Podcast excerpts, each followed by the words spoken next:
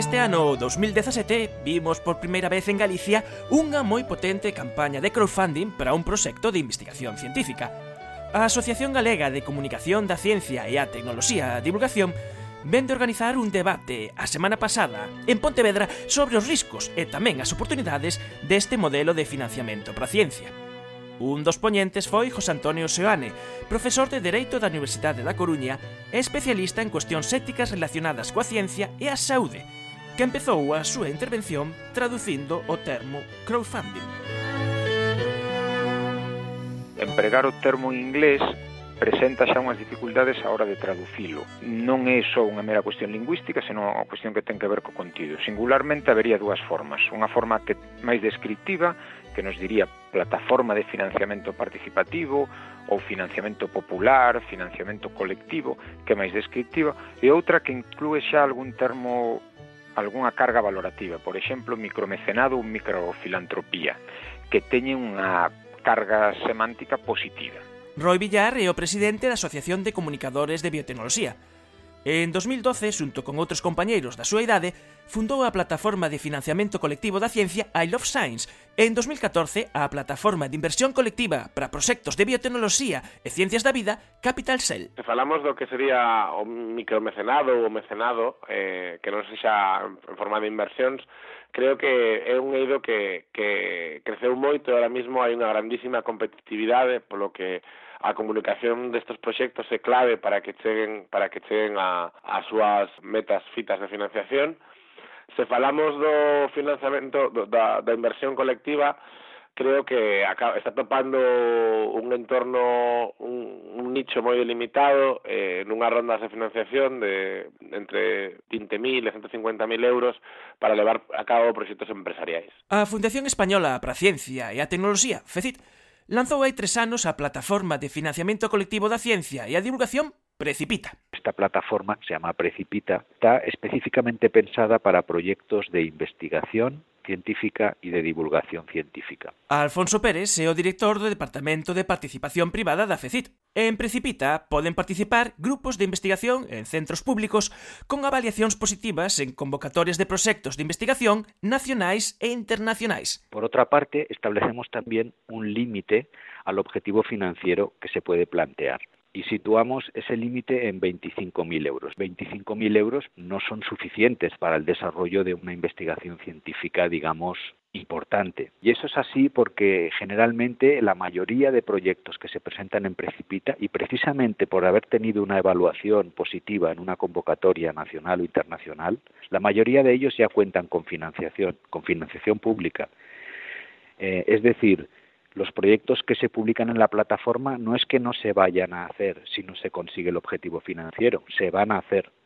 Simplemente no se van a ampliar a lo mejor en algún aspecto, no van a, poder desarrollar pues la toma de datos hasta el punto que tenían previsto, que es el aspecto que se somete a la participación de los ciudadanos. Es una plataforma de todo o nada, es decir, si el objetivo no alcanza el, eh, el proyecto no alcanza el objetivo mínimo, nosotros retornamos a todos los donantes del proyecto todas las donaciones recibidas íntegramente. A crise económica deu lugar á creación de cada vez máis iniciativas de crowdfunding en todos os ámbitos. No que é a financiación colectiva xeralista, que non está basada nun tipo de proxecto único, o xeito de, de levarse a cabo este tipo de proxectos cambiou radicalmente nos últimos 3-5 anos.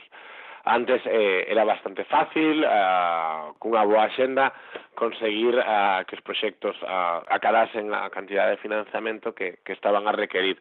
A día de hoxe fixose moito máis competitivo, supoño que porque os financiadores siguen a ser os mismos, pero hai máis xente pedindo cartos, no?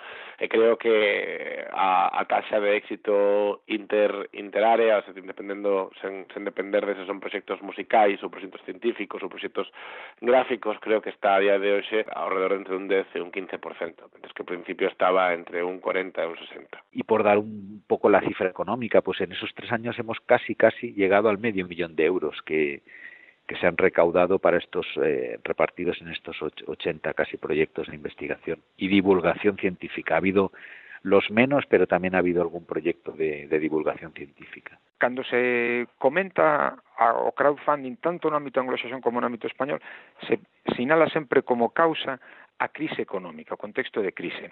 É certo que hai unha crise económica, pero a crise económica é un factor social que non debe servir de xustificación para estimular o crowdfunding. Non? E por iso, bueno, hai, hai un autor bioético moi coñecido que Hans Jonas que fala de que certas actitudes ou deben ser consideradas como virtudes de emerxencia, isto é, son conductas que son valiosas nun determinado momento, pero que a súa propia natureza está na, na extinción. Deben servir para un caso concreto e logo deben desaparecer. En ese sentido, non, nós non debemos utilizar a crise económica como xustificación para o crowdfunding, senón foi unha circunstancia histórica e se estamos de acordo co crowdfunding seguir adiante, pero non utilizar esa existencia da crise como xustificación para facelo. O experto en bioética, José Antonio Seoane, lanza unha serie de interrogantes os que debe responder o financiamento colectivo da ciencia. Hai unha serie de interrogantes ou de riscos vinculados a esta actividade do crowdfunding, que pode ser pues, como se pode garantir o rigor da, da investigación que se financia, quen, quen avalía a calidade desa investigación, se existe un risco de irracionalidade ou emotivismo na hora de tomar esas decisións, quen selecciona os obxectos de investigación ou, a, ou quen rinde contas respecto da de investigación que se financia, e riscos se cadra máis claros desde a perspectiva ética que poda ser se cadra máis perigosos, que poda ser a mercantilización do coñecemento. Isto é, hai certo, certas áreas de coñecemento que só van poder desenvolverse se reciben financiamento, un certo risco de, de individualismo, de privatización do espazo público, de desigualdade no acceso ao financiamento desas cuestións, empregar a competitividade como criterio de, de escolla entre diferentes propostas de investigación, E por último, se cabra unha unha máis ampla que ten que ver coa sociedade e co Estado que cal é o papel do Estado, o papel do público, digamos, do ámbito público eh, en relación coa investigación. Se pode servir este eh, esta actividade de crowdfunding para reducir a participación dos poderes públicos e, por tanto, de todos nós no apoio no fomento da ciencia. Os expertos que participaron nesta mesa organizada por divulgación sobre o financiamento participativo da ciencia sinalan, a xeito de conclusión, a necesidade de que o crowdfunding en ciencia precisa madurar para así poder ser útil á sociedade. Porque unha cousa está clara, este modelo chegou para quedarse.